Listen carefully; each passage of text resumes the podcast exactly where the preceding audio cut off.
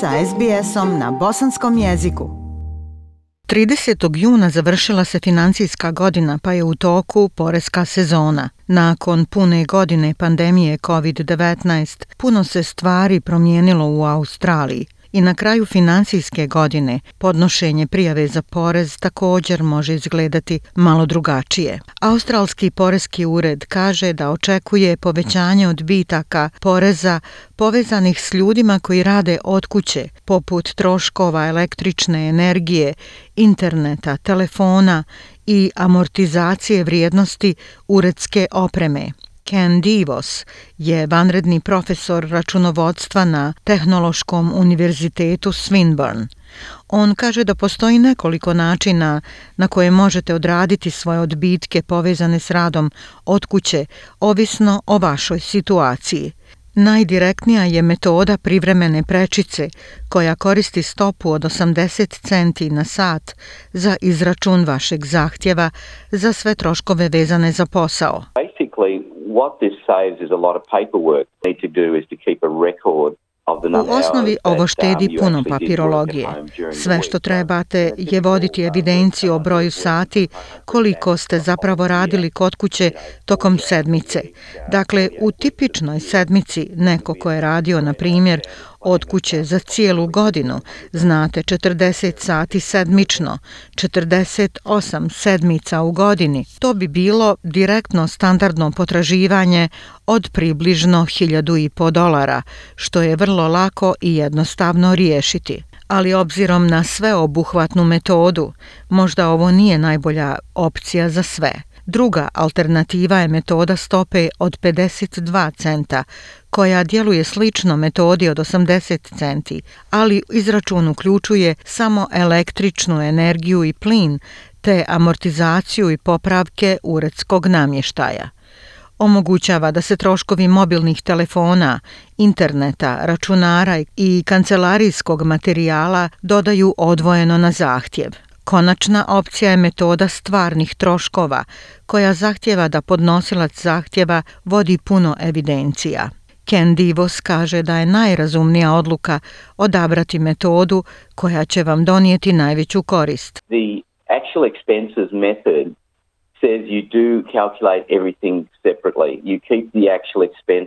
Metoda stvarnih troškova kaže da sve računate posebno. Zadržavate stvarne troškove koji su nastali tokom godine, ali uz to uključuje i izračune amortizacije, tako da to može biti veća cifra od postavljene stope od 80 centi metode prečaca, jer ne možete tražiti amortizaciju povrh toga. On kaže da ljudi treba da imaju na umu da iako su se troškovi kućnih ureda možda povećali ove financijske godine, da su drugi troškovi možda opali. Obviously working from home means that people haven't been traveling, they haven't been using their cars.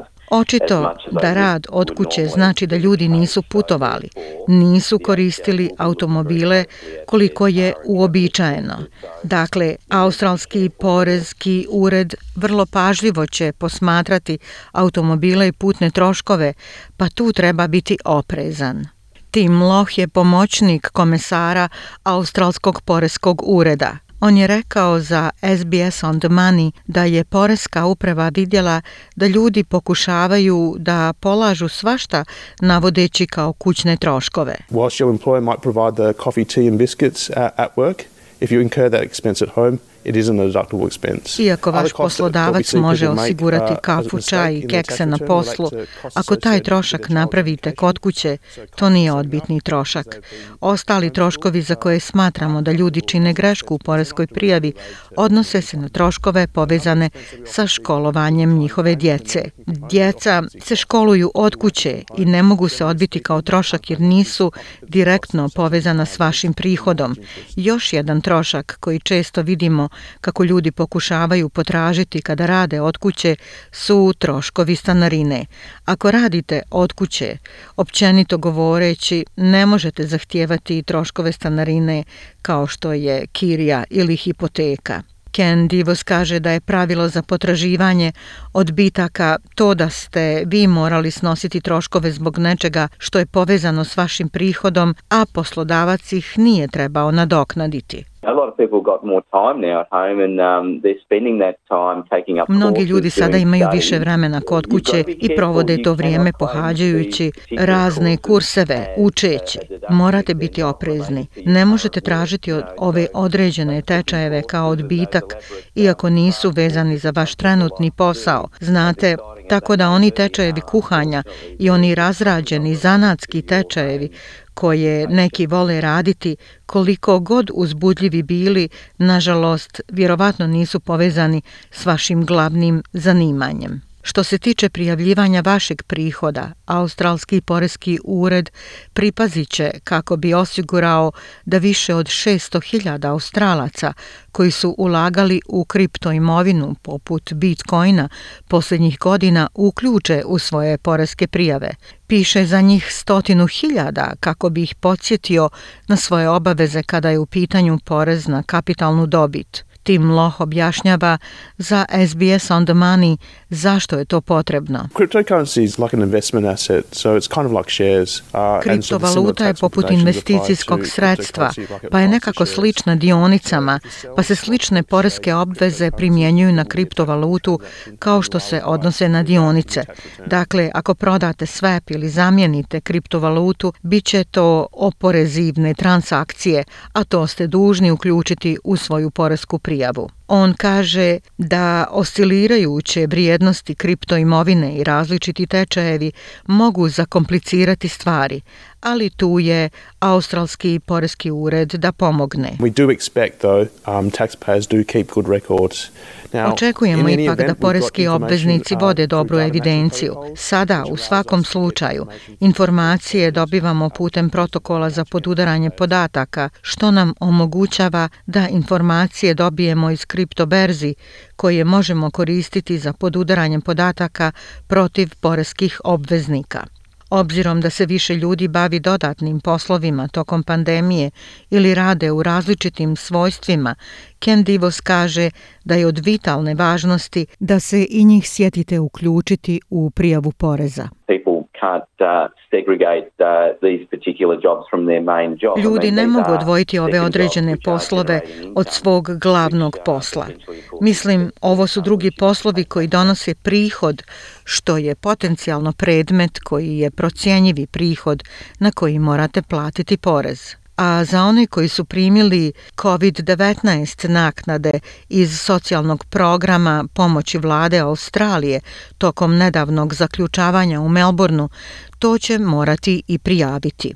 Jedna stvar koja se ove godine nije promijenila su ključni datumi oko podnošenja vaše poreske prijave. Kao i uvijek, pojedinci moraju predati poresku prijavu do 31. oktobra ove godine – I dok trenutno možete tehnički pripremiti i predati poresku prijavu putem MyGov, unošenje prije avgusta moglo bi značiti da će Australski poreski ured trebati više vremena da obradi vaš zahtjev.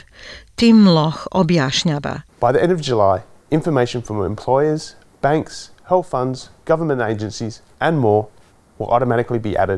Do kraja jula podaci poslodavaca, banaka, zdravstvenih fondova, državnih agencija i još više automatski će se dodati u vašu poresku prijavu.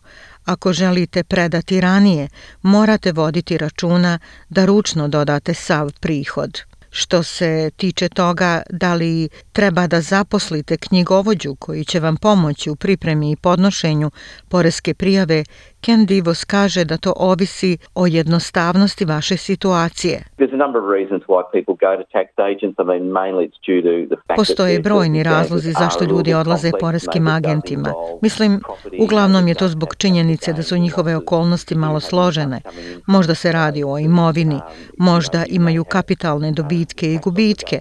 Ako imate prihode koji dolaze iz inostranstva, tamo kao australski rezident možete imati poreske obaveze poreze na sav svoj prihod, a to uključuje i svjetsku imovinu. Dakle, ako se vaša poreska prijava u tom pogledu malo zakomplicira, vjerovatno je dobar savjet da odete kod poreskog agenta i potražite stručni savjet a taj se trošak uvijek može potražiti sljedeće godine.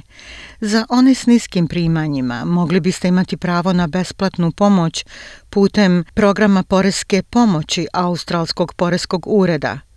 Karuna Činaja je penzionisani računovođa i volonter poreske pomoći u multikulturalnom vijeću Baga Baga. Basically, uh, somebody who wishes to do their tax and they're earning around $60,000 or less, U osnovi, ako neko ko želi izvršiti poreza zarađuje oko 60.000 dolara ili manje, može ugovoriti sastanak da me vidi u multikulturnom centru i da će mu se termin da dođe i savjetuje se sa mnom. On kaže da su za pomoć onima koji dolaze iz neengleskog govornog područja tu dobrovoljci Tax Helpa i Australskog poreskog ureda. We call the translation and interpretation service. Pozivamo službu za prevođenje i tumačenje da se povežu s Poreskom upravom, tako da Poreska uprava može obaviti razgovor i pružiti im sličan broj Poreskog spisa i tako dalje da pokrenu postupak prijave takse. Resursi oporezivanja mogu se naći na web stranici Australskog Poreskog ureda na više od 20 jezika. Ja sam Aisha Hadži Ahmetović. Ostanite uz SBS radio. SBS na bosanskom. Podijelite naše priče preko Facebooka. Želite poslušati još ovakvih priča? Slušajte preko Apple podcasta, Google podcasta, Spotify ili kako god da primate svoje podcastove.